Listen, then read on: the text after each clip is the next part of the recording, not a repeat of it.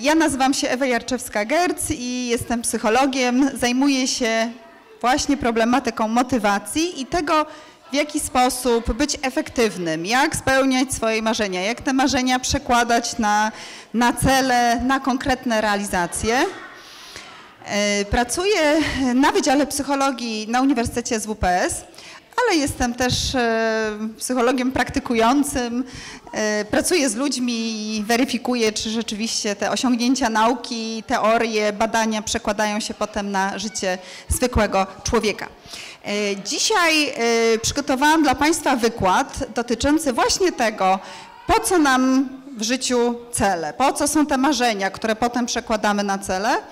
I chciałam Wam dzisiaj zaproponować takie trzy sposoby, e, trzy techniki mentalne, które nam te cele pomagają osiągać. E, pracując już od wielu lat z ludźmi właśnie na ich celach, nad realizacją zamierzeń, e, zresztą nawet wcześniej, zanim zostałam psychologiem, widziałam taką dużą różnorodność, że wiele osób na przykład ma swoje właśnie marzenia, ma swoje chęci, ale nie zawsze udaje im się osiągnąć e, to, co sobie zamierzają, tak? to o czym marzą, to o czym pragną, brak im wytrwałości, brak im skuteczności w działaniu. Bardzo mnie to i zawsze interesowało, bo wierzyłam w to, że w powiedzeniu chcieć to móc jest wiele prawdy. Tak? E, no ale okazuje się, że jest ta prawda, ale e, muszą być spełnione pewne warunki, żeby rzeczywiście to chcieć stało się móc. I o tym my dzisiaj trochę będziemy, e, będziemy mówić. Słuchajcie. Zacznijmy od tego w ogóle, e, po co nam cele i sukcesy, bo pamiętam przed pandemią wielokrotnie e, ludzie pytali mnie o to, e, jak się zatrzymać, że żyjemy w takim społeczeństwie w tej chwili, że bardzo dużo ludzie robią różnych rzeczy, że się angażują w wiele aktywności, że pędzą, że gonią, żyją w ogromnym stresie. I tak naprawdę po co nam te wszystkie cele, jak moglibyśmy wszyscy wyprowadzić się w Bieszczady i tam, nie wiem, wypasać kozy, czy robić różne rzeczy, co oczywiście też ma swój urok i wiadomo, fajnie, fajnie, że niektórzy to robią, no ale jak my wszyscy wyjedziemy, no to wiadomo, to się nie uda po prostu, tak? No więc yy, po co człowiekowi w ogóle są w życiu cele? Patrząc na problemy ludzi, problemy psychiczne, na przykład z depresją, e, w różnych innych zaburzeniach, zaburzeniach lękowych, obserwujemy to, że charakterystyczne jest to, że ludzie nie mają celu. Kiedy przestajemy mieć cel w życiu, tak naprawdę, czy cele, bo tych celów jest wiadomo sporo, to nie chodzi o tylko jeden cel. E, kiedy przestajemy mieć w życiu cele, coś takiego dzieje się z nami, że y, czujemy się tak naprawdę coraz gorzej. Nie, nie jest to uwalniające. Oczywiście, jak ktoś żyje w nadmiernym stresie, ma tych celów za dużo, jest tak, tak naprawdę więźniem swoich celów, no to rzeczywiście jest nadczynność motywacji i to też jest problematyczne. Ale jednak posiadanie celu, jakiegoś drogowskazu, kierunku, w którym chcę zmierzać, jest jak najbardziej wpisane w zdrowie psychiczne człowieka. One wyznaczają pewną ścieżkę, ale dają też nam poczucie kontroli. Cel daje nam poczucie kontroli, bo my wiemy, dokąd mamy zmierzać. Jeżeli nie mamy celu, człowiek z depresją wstaje rano, nie ma celu. Być może celem jego jest przetrwać dzień na przykład, tak? I po prostu przeżyć e, do, do kolejnego dnia. I jeżeli to się już staje celem, to też już jest dobrze. Natomiast cel jest takim drogowskazem, nadaje nam kierunek e, działania. Ale cel też dodaje nam energii. E, daje taki efekt energizacji. Na przykład zwróćcie uwagę na dzieciaki właśnie. Zawsze są znudzone, siedzą sobie w klasie i nagle pojawia się pomysł na jakąś aktywność, realizację. Myślę, że tutaj panie pracujące wiedzą o tym doskonale. Pojawia się jakaś inicjatywa, zróbmy przedstawienie, tak, albo namalujmy coś i nagle pojawia się energia. Nagle nie było tej energii, ona się pojawia, bo pojawił się cel, pojawiła się jakaś ścieżka, e, którą, którą chcemy zdążyć. Cele chronią też przed myśleniem tunelowym. Myślenie tunelowe polega na tym, że czasem właśnie, choćby w zaburzeniach nastrojów, depresji wpadamy w taki ciemny tunel i mamy poczucie, Boże, już nic mi w życiu nie pójdzie, już nic nie zrobię, już po prostu koniec, tak? Zawsze będzie tak fatalnie, jak jest w tej chwili. Cel, jeżeli mamy go gdzieś, przypomnijmy go sobie albo postawimy, cel nadaje nam znowu kierunek. Ale dzięki celom możemy też osiągać sukcesy.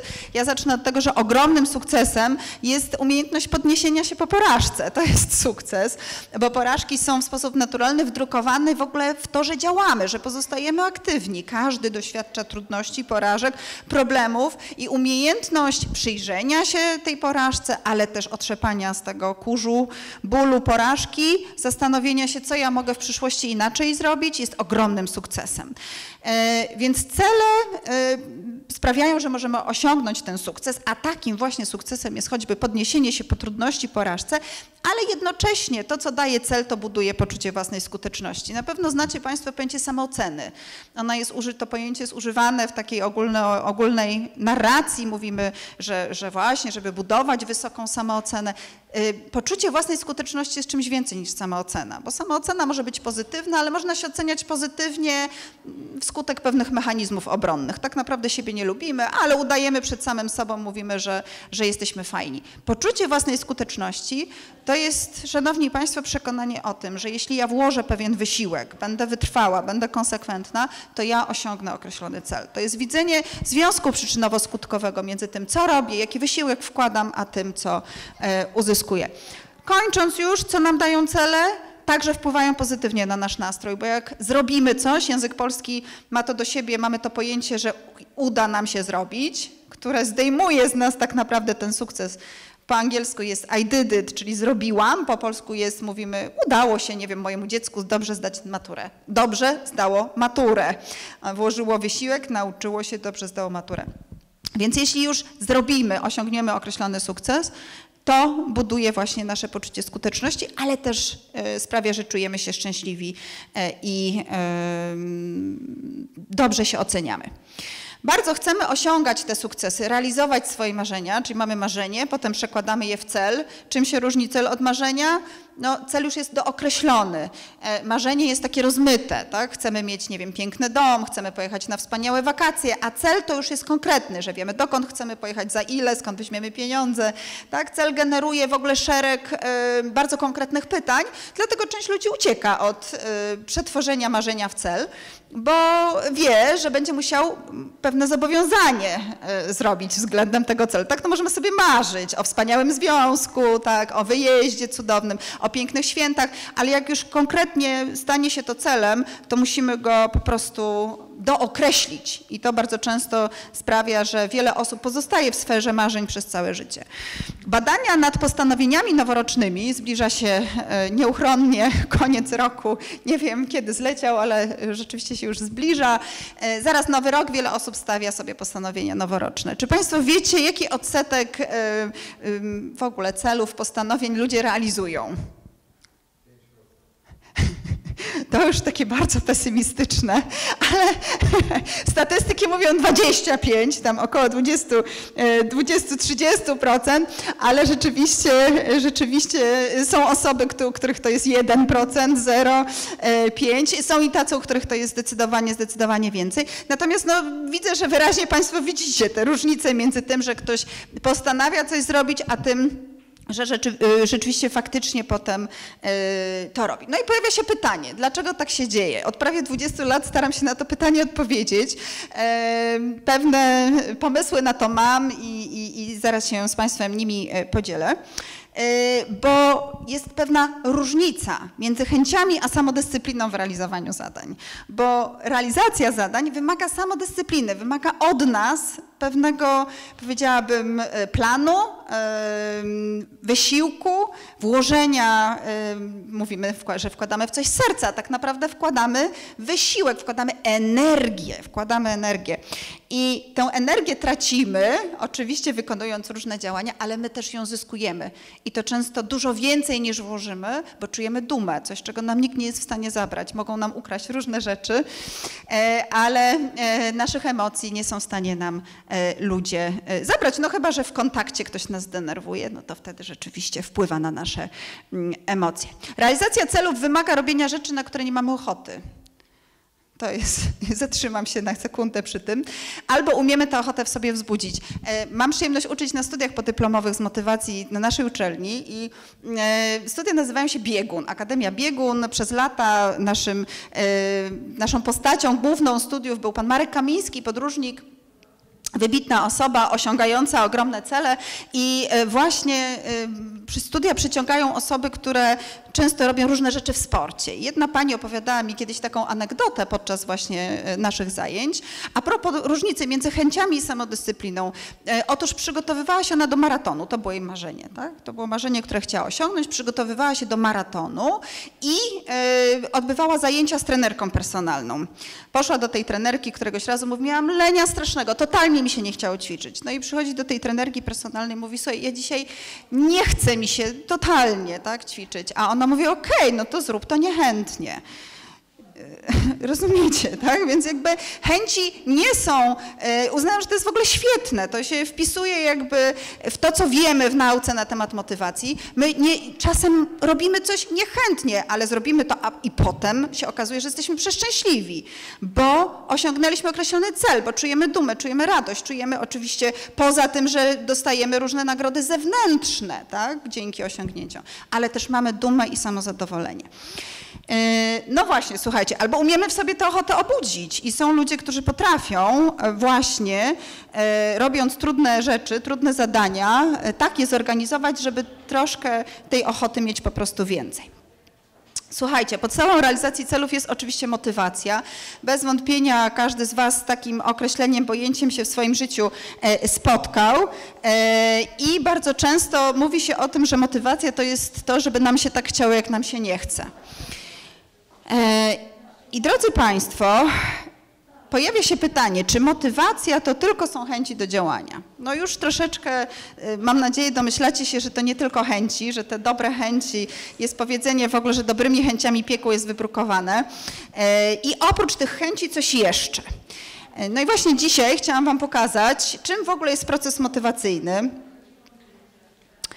bo ja używam metafory ogniska do procesu motywacyjnego, dlatego tutaj zdjęcie ogniska.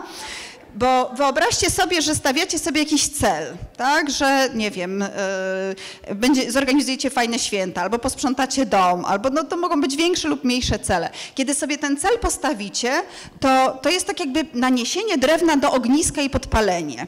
Zapalamy się do czegoś, tak? Postawiliśmy sobie cel, może to być cel w pracy, może to być cel w życiu prywatnym i pojawia się ogień. Skąd ten ogień się bierze? Jak myślicie? To jest pytanie do Was, tak. No? Ogień to się bierze z wiary, z nadziei, że wierzymy w to i, i tak działamy. Świetnie. I jak Pani ma, czuje tę wiarę i tę nadzieję, to co się dzieje z ciałem wtedy? Dostaje energii, czyli doświadcza emocji. Ta energia bierze się z emocji. No bo tylko później trzeba być konsekwentnym, trzeba to drewno nosić, trzeba co jakiś czas donie, no, donieść trochę tych, tych suchych gałązek. Czyli słuchajcie, pojawiają się emocje, pojawia się pragnienie, pojawia się radość, kiedy oczekujemy, że coś fajnego się wydarzy i zaczyna to ognisko płonąć. Ale co się dzieje z ogniskiem, kiedy przez jakiś czas nie donosimy drewna? Co się z nim dzieje? Ono gaśnie, płomień się robi coraz mniejszy, coraz mniejszy i w którymś momencie, jak nie ma tego drewna, to ono gaśnie. Czy to jest naturalne? Tak, i tak samo jest z waszą motywacją, czyli po prostu zapalacie się do jakiegoś celu, chcecie go bardzo osiągnąć, są te pozytywne emocje i działacie, działacie, działacie, ale jeśli nie będzie donoszenia drewna, to to ognisko zgaśnie. Co może się wydarzyć, że znowu to drewno wróci, że ktoś, już powiedziałam, ktoś je przyniesie. Mhm. Tak.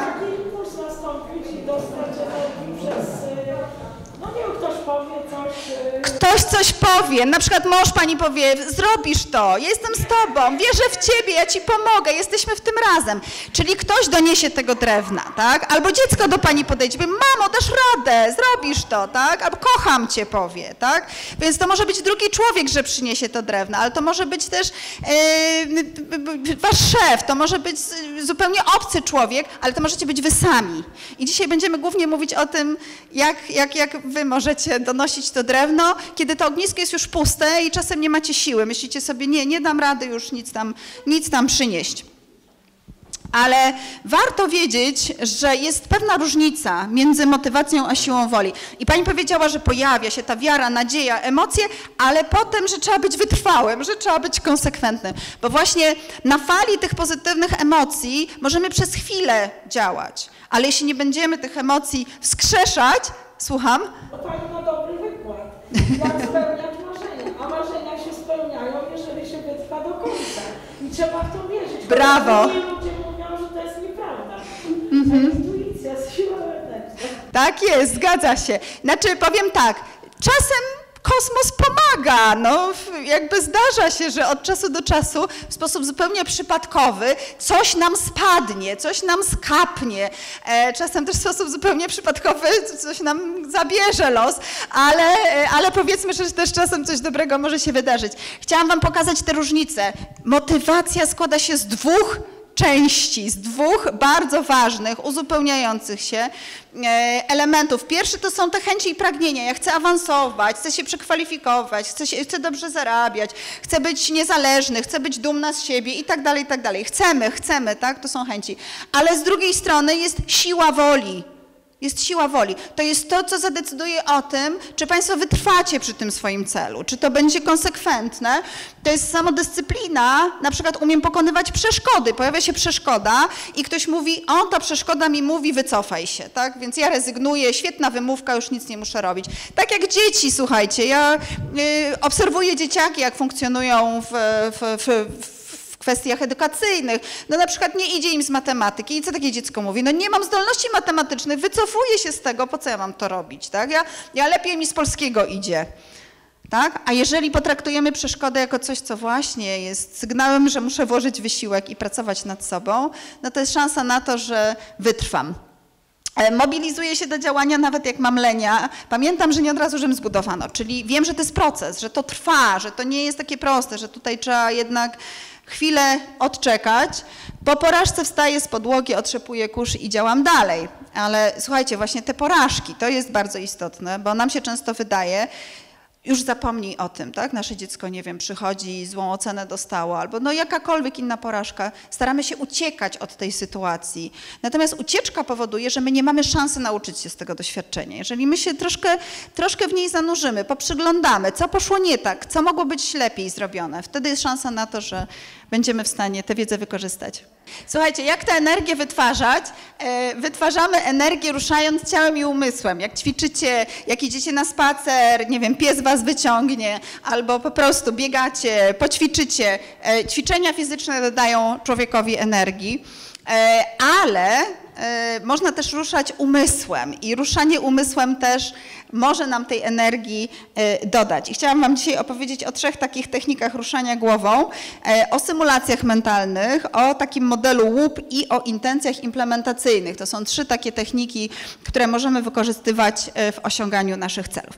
Zacznijmy od e, pierwszej techniki e, i od pozytywnego myślenia, bo jestem przekonana, że jak e, rozmawiacie z ludźmi i e, na przykład opowiadacie im o swoim kłopocie, czy o tym, że się czegoś boicie, że macie coś robić, ale się tego boicie, to bardzo często pojawia się pewnie u nich taka kwestia, myśl pozytywnie, nastaw się pozytywnie. Kto y, rekomenduje innym, żeby myślał pozytywnie?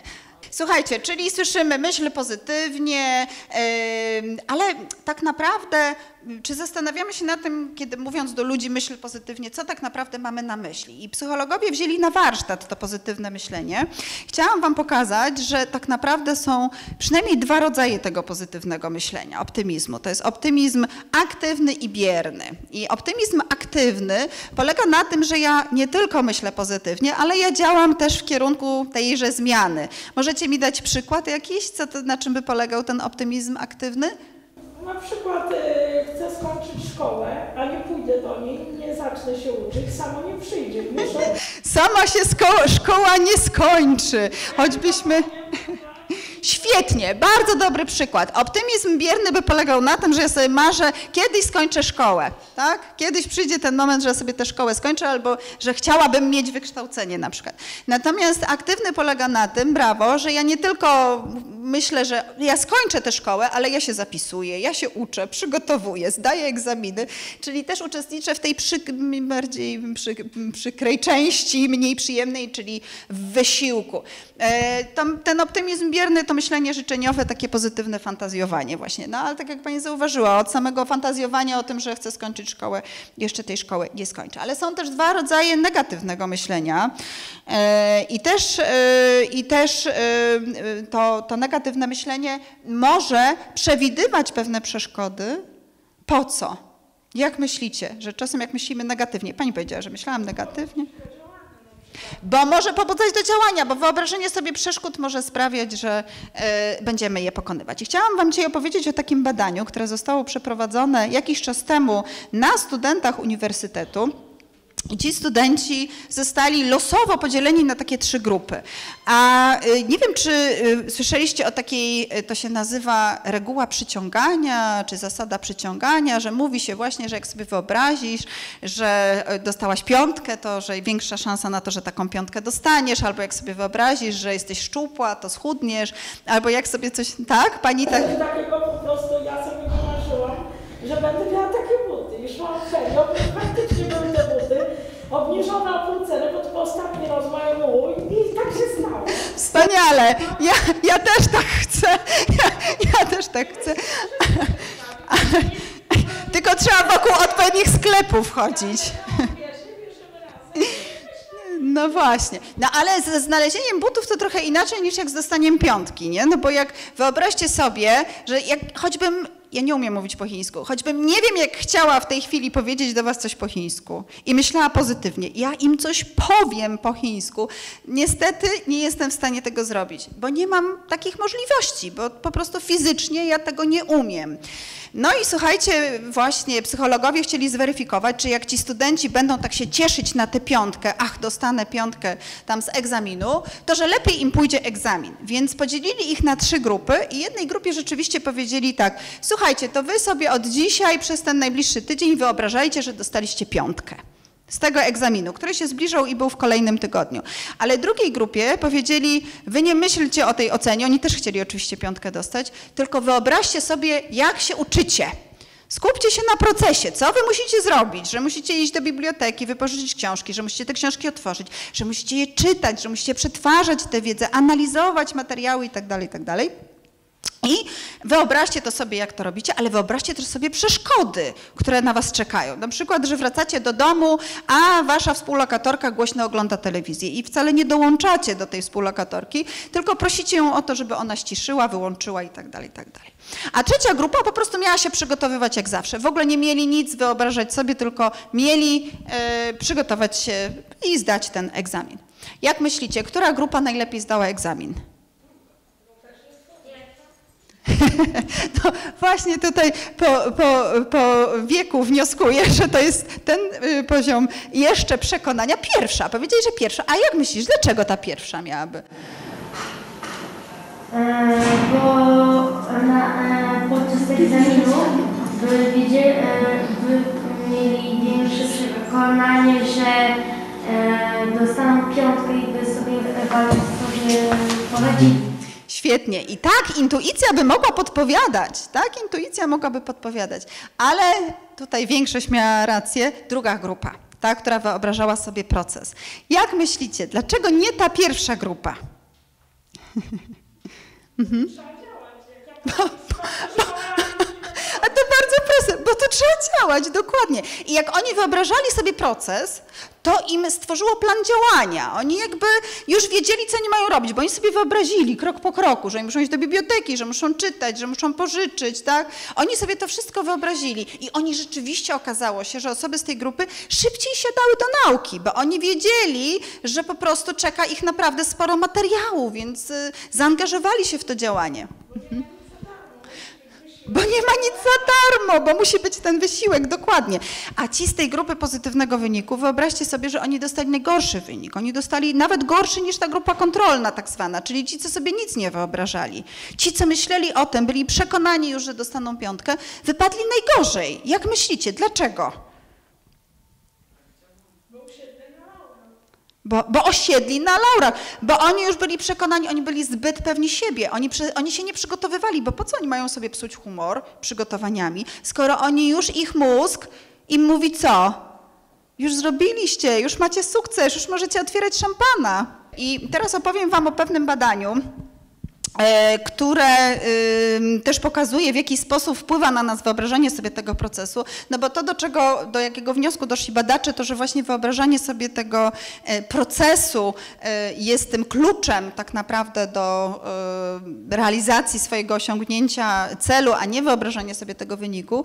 I jakiś czas temu chciałam sprawdzić, w jaki sposób wyobrażanie sobie tego procesu wpływa nie tylko na nasze zachowania, ale na nasze ciało, na nasze hormony.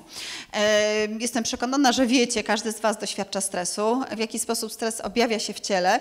Między innymi tym, że czujemy się tacy zdenerwowani, że ciało jest pobudzone, zaczynamy się pocić, serce nam szybciej bije. Czy Ty w szkole czasem masz taki stres na egzaminie, jakimś sprawdzianie? W której klasie jesteś? W piątej. To myślę, że ja mam córkę w piątej klasie i tylko ta, tak, czasem zdarza się, że tak się zdenerwujesz na sprawdzianie, tak czujesz stres?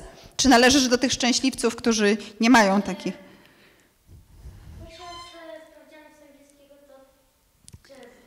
No właśnie, no angielski taki wyjątkowy tutaj. E, I to się dzieje, jesteśmy zdenerwowani, ponieważ w naszej krwi pojawia się duże stężenie hormonów stresu. Są takie trzy hormony, adrenalina, noradrenalina i kortyzol. Kortyzol to jest hormon, który jest bardzo ważny, my go bardzo potrzebujemy, ale jak go jest za dużo, to zaczyna nam źle iść. To znaczy w trakcie wystąpień na przykład zaczynamy się gubić, zaczynamy e, tracić kontrolę nad swoim ciałem, na przykład sportowiec, piłkarz, Dus no właśnie, no i co z tym robić? I co z tym robić? Chcieliśmy to sprawdzić i wzięliśmy ludzi i właśnie powiedzieliśmy im, że będą występować publicznie. Mieli przygotować takie krótkie wystąpienia e, publiczne, pięciominutowe. Bardzo się oczywiście denerwowali, no bo wiadomo, wystąpienie przed publicznością, jak ktoś tego na co dzień nie robi, to jest to dla niego bardzo stresujące.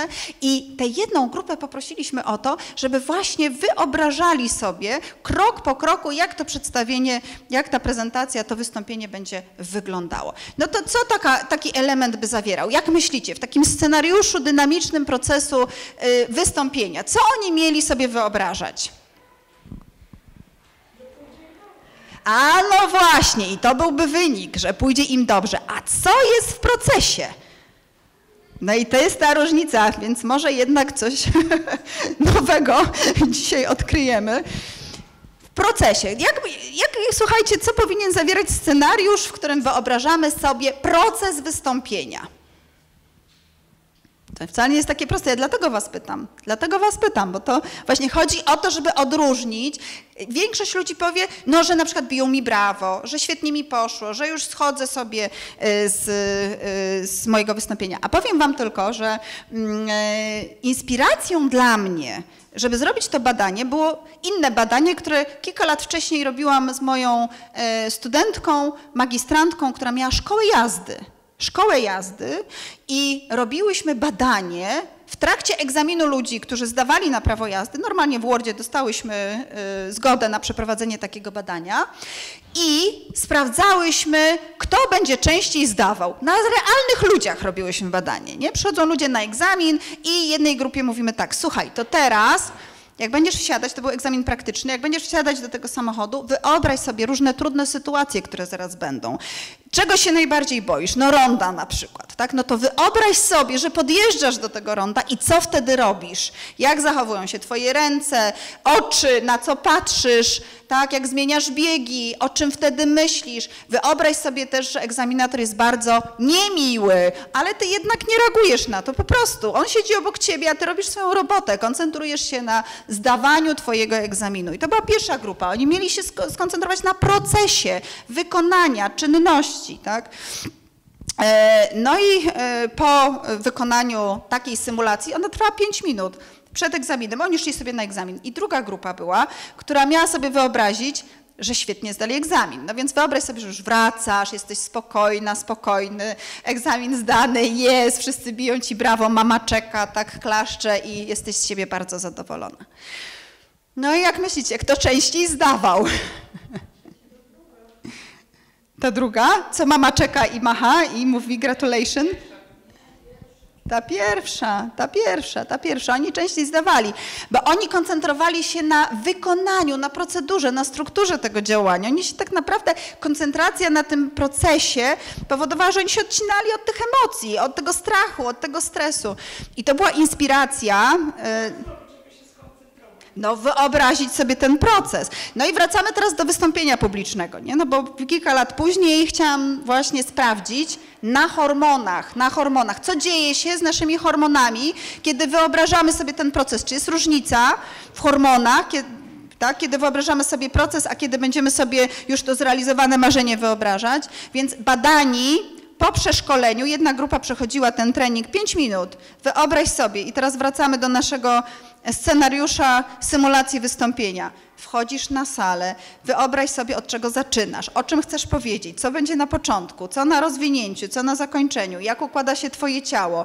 E, tak, że stoisz wyprostowany na przykład, tak, trzymasz prosto mikrofon, opowiadasz ludziom, o czym opowiadasz i tak dalej, i tak dalej. Oni przechodzili sobie ten trening, a druga grupa miała sobie po prostu przygotować się tak jak zawsze, tak? czyli bez jakichś tam szczególnych instrukcji. I przed wejściem badani pluli nam do próbówek. Pobieraliśmy im próbki y, śliny. A po co to robiliśmy? No bo chcieliśmy określić ten poziom kortyzolu w ślinie. Kortyzol można oznaczać na dwa sposoby. Możecie to zrobić we krwi, co jest trudniejsze, bo trzeba przeciąć tkankę i trzeba mieć na to uprawnienia, a do plucia, do probówki nie trzeba. Więc oni nam oddawali te próbki śliny, e, które potem szły do laboratorium i były weryfikowane. Chodziło nam o to, żeby sprawdzić, czy między tymi dwiema grupami będą różnice tak, w tym kortyzolu. Jak myślicie, kto miał wyższy ten kortyzol? Ci, co się nastawili na proces, czy ci, którzy myśleli już o wyniku? Niższy, niższy kto miał? Niższy. Pierwsza. Pierwsza miała niższy. I nie była to różnica przypadkowa, bo była to różnica istotna statystycznie, co oznacza, że matematycznie nie dało się tego uzasadnić w sposób. Że mieli mniej nerw, dokładnie, że się. No i jak za dużo, to źle. Jak za, bo jak trochę nerw, to dobrze. Jak trochę nerw, to dobrze. Ale jak za dużo, to już niestety, to już niestety wtedy tracimy kontrolę nad sobą, nad swoim głosem, nad swoim ciałem, nad swoim zachowaniem. I słuchajcie, oni wchodzili na, to, na tę prezentację, tak, na, na te swoje występy, oddawali te prezentacje, czyli robili je i byli oceniani przez publiczność. Ta publiczność oceniała ich na różnych wymiarach. Ja wam pokażę. Tutaj mamy nasze różnice w kortyzolu, ale później też Publiczność oceniała tych ludzi pod względem ich występów, ich pewność wypowiedzi, e, e, stres e, w, zachowaniu, który był obserwowalny z zewnątrz, spójność wypowiedzi, płynność, ogólne wrażenie, pewność siebie. Zawsze grupa, która skupiała się na wyobrażeniu sobie procesu tego wystąpienia, wypadała lepiej w oczach mm, sędziów, aniżeli ta grupa, która skupiała się wyłącznie już na wyniku. E, symulacje mogą też pomóc rzucić palenie i w jednym z badań prosiliśmy uczestników, żeby przez 30 dni wyobrażali sobie, w jakich sytuacjach bardzo chce im się zapalić i tego nie robią. Co robią wtedy w zamian?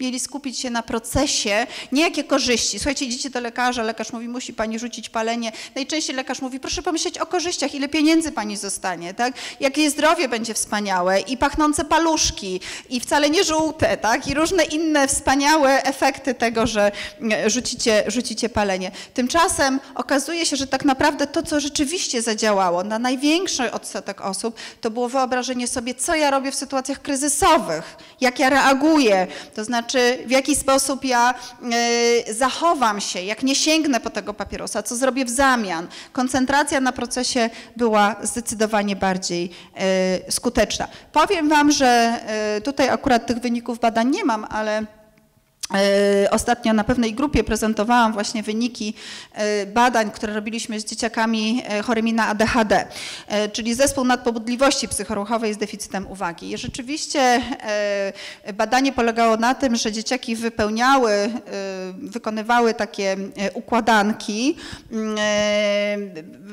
uzupełniały, jak są takie rysunki, w których są do połączenia różne, różne kropeczki i tak wiemy, znamy, znamy, znamy temat.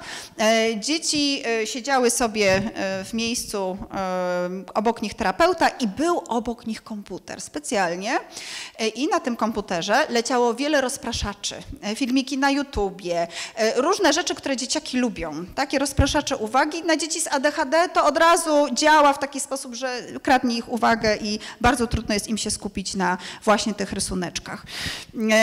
I dzieci później, najpierw mierzyliśmy ich wyjściowy poziom błędów, spojrzeń na ekran, ekran, tak? te spojrzenia na ekran e, są wskaźnikiem tej dystrakcji, tego, że ich uwaga zostaje rozproszona. No i dzieciaki przechodziły najpierw właśnie e, taką procedurę, a potem przechodziły trening symulacji mentalnych. Przez e, kilka tygodni miały wykonywać codziennie takie ćwiczenia mentalne, które polegały na tym właśnie, że wyobrażały sobie, że różne rzeczy, je rozpraszają, że na przykład jesteś w klasie i są głosy innych dzieci, jest, jest, jest głośno, jest gwarno, ale ty skupiasz się na tym, co mówi nauczyciel. Na przykład jest wiele rzeczy, które chce, chcą y, zdobyć twoją uwagę, chcą cię zainteresować, a ty skupiasz się na lekcji, słuchasz, co mówi nauczyciel, wyobrażasz sobie to, co mówi nauczyciel. No i rzeczywiście, słuchajcie, po kilku tygodniach, kiedy powtórnie robiliśmy badanie, okazało się, że u dzieci zdecydowanie spadła liczba spojrzeń na komputer, a także spadła liczba błędów, które popełniały przy wykonywaniu tych, e, tych e, rysowanek. I opowiadając o tym na ostatnim wykładzie, jedna, jedna z pań powiedziała, że jest mamą akurat chłopca z, z ADHD. Tydzień później spotykałyśmy się na kolejnych zajęciach i powiedziała, że zastosowała u niego ten trening i to w odniesieniu do zasypiania, bo mieli ogromny problem z zasypianiem. E, ten chłopiec kładąc się, ośmioletni, kładąc się o godzinie już 22, już wszyscy chcą iść spać, już dom naprawdę wyciszony i tak dalej, on dostawał drugiego kopa energii mm, i po prostu zamknięcie w pokoju, zaraz było, była słyszana piłka na ścianie, tak, odbijanie piłki, tam skakanie po tym pokoju, no po prostu e, rzeczywiście bardzo trudne, usypianie, e, bardzo późne rano, oczywiście niewyspany, co zwiększa znowu nadpobudliwość w dniu kolejnym i właśnie zastosowała symulację mentalną procesu, e, wyobrażali sobie, ja teraz wyjdę z pokoju, tak, ona sama to wymyśliła, sama ten scenariusz wymyśliła, mówi, słuchaj Broniu, teraz ja wyjdę z pokoju, ty za chwilę będziesz miał ochotę wstać z łóżka, wziąć piłkę i walić ją o ścianę, ale wyobraź sobie, że oddychasz głęboko i zostajesz w łóżku. Wyobraź sobie, jak powoli twoje ciało się relaksuje, obniżasz poziom tego, tej energii, którą czujesz w tej chwili i po prostu skupiasz się na tym, żeby zasnąć. I powiedziała, że jest w szoku, bo przez ostatnie kilka dni po prostu e, naprawdę nie wychodził z pokoju i nie słychać było piłki, co oznaczało, że po prostu e, broniu e, poszedł spać. I to było dziecko z ADHD, tak, no właśnie, to jest bardzo trudna grupa, natomiast ale jednak to wyobrażenie, to skorzystanie z tego, że ja mam ochotę to zrobić, chcę to zrobić, ale tego po prostu nie robię, a w zamian na przykład koncentruję się, nie wiem, e, poprawiam kołdrę, układam sobie poduszkę tak, żeby usnąć i wyciszam się, koncentruję się na oddechu i rzeczywiście okazało się, że to temu dziecku e, pomogło. Ale słuchajcie, tak samo jeśli chodzi o odchudzanie, e, badaliśmy, czy jak sobie wyobrazimy, że idziemy w bikini po plaży, e, to nagle cudownie schudniemy e, ile, ile chcemy no to by była taka symulacja wyniku, tak, pozytywnego wyniku. Natomiast inną grupą w badaniu była grupa symulacji procesu znowu. Co sobie musi wyobrażać osoba, która chce zrzucić zbędne kilogramy w procesie? Mhm. tak. Ja chcę schudnąć w ciągu dwóch miesięcy 17 kilo. Wow. I myślę, że się uda. Ciężko będzie. 17 to jest bardzo dużo.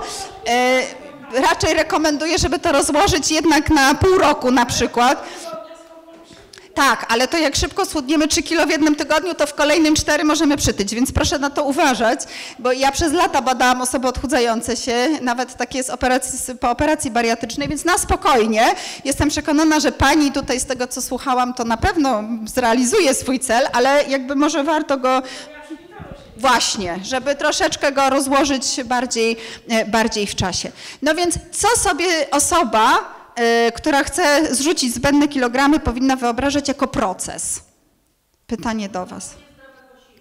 Że na przykład przygotowuje zdrowe posiłki. A żeby te posiłki przygotować, to musi iść do sklepu, musi kupić te zdrowe rzeczy, tak? Musi zrobić odpowiednie zakupy. Bardzo często osoby, my mamy takie schematy, wchodzimy do naszego ulubionego sklepu i my kupujemy to, co zawsze kupujemy. Nie wiemy, gdzie leżą zdrowe produkty, jeśli kupowaliśmy całe życie e, inne produkty. Więc wyobrażenie sobie tego, że ja przełamuję ten schemat, że ja idę w inną uliczkę, że ja szukam tych warzyw, wyobrażenie sobie tego ułatwi nam odnalezienie się potem w sklepie. No dobrze, słuchajcie, e, jak wykorzystać to w praktyce, jak wykorzystać tę wiedzę?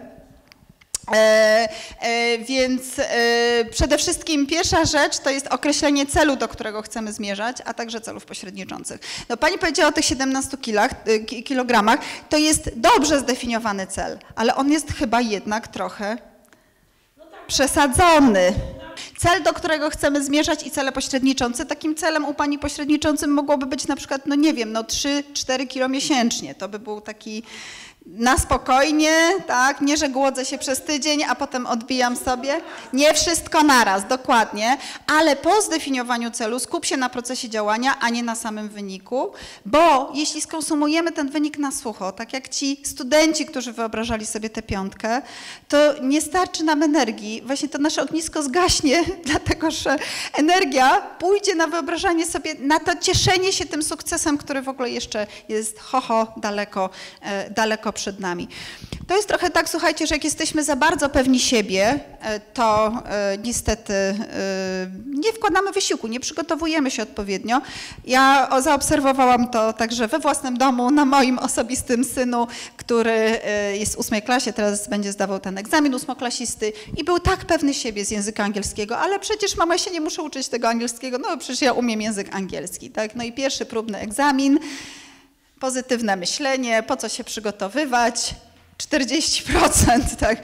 Więc i dopiero ta sytuacja, porażki jednak, tak, dla niego spowodowała, że on się otrzeźwił i się skupił na procesie. Mówię, słuchaj matki, e, bo, bo, bo po prostu wstyd będzie. Chciałam jeszcze odnieść się do tego, co dzieje się e, w naszym mózgu, e, kiedy wyobrażamy sobie, jak to się dzieje, dlaczego, dlaczego tak się dzieje, że rzeczywiście to wyobrażenie sobie procesu działa i możemy się nim wspierać w naszych osiągnięciach. Co dzieje się w mózgu? Bo w ogóle nasz mózg jest tak skonstruowany, żeby nam pomagać.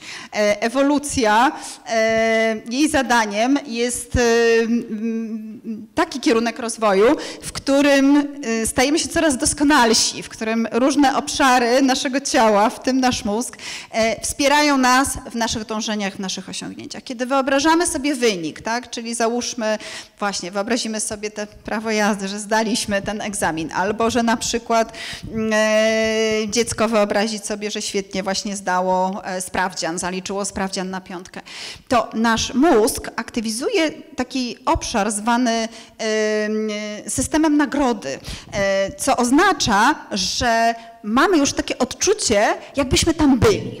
Czyli tak naprawdę nasze ciało reaguje w taki sposób, że mamy e, przekonanie, poczucie, e, że ten cel został osiągnięty. To jest taka namiastka jakby sukcesu, tak? I wtedy nie słyszymy tych sygnałów, które nam mówią, że jeszcze chwilę, że jeszcze trochę wysiłku trzeba włożyć w to działanie, żeby osiągnąć cel.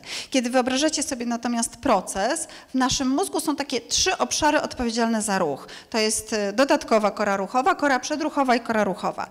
I dwa spośród tych trzech ważnych ośrodków związanych z ruchem są aktywne, kiedy wyobrażamy sobie ruch. Czyli nie musimy go koniecznie wykonywać, żeby te ośrodki były aktywne. Powiem więcej, to jest też u zwierząt. Jak ja obserwuję, jak mój kot dokonuje skoku z mojego biurka na, e, na szafę bardzo wysoką i ona ma ten moment, ja czasem boję się patrzeć, bo ja sobie myślę, nie wyliczy, nie wyliczy jej ta kora, no. Ale ona po prostu, ale jak spojrzę, jak mam odwagi na tyle, że się nie boję, że mój kot po prostu e, złamie nogę albo nie rozplaźmi się e, na podłodze, jak popatrzę, to ja widzę, jest oko, ręka, oko, jest tak noga, ręka i miejsce docelowe, gdzie ona chce skoczyć. Co jej mózg robi? Jej mózg oblicza, ona robi symulację. Ona robi symulację, jak ona ma skoczyć. Przed każdym skokiem. Ona nie wskakuje na biurko i od razu wskakuje na, na szafę. Ona oblicza, jak małyż. Może my nie mamy aż tak doskonale tego rozwiniętego, jeśli chodzi o ruchy, za to mamy więcej kory przedczołowej i możemy robić inne cudowne rzeczy. E, niż tylko wylegiwanie się właśnie e, na ciepłej szafie e, w najcieplejszym miejscu w domu.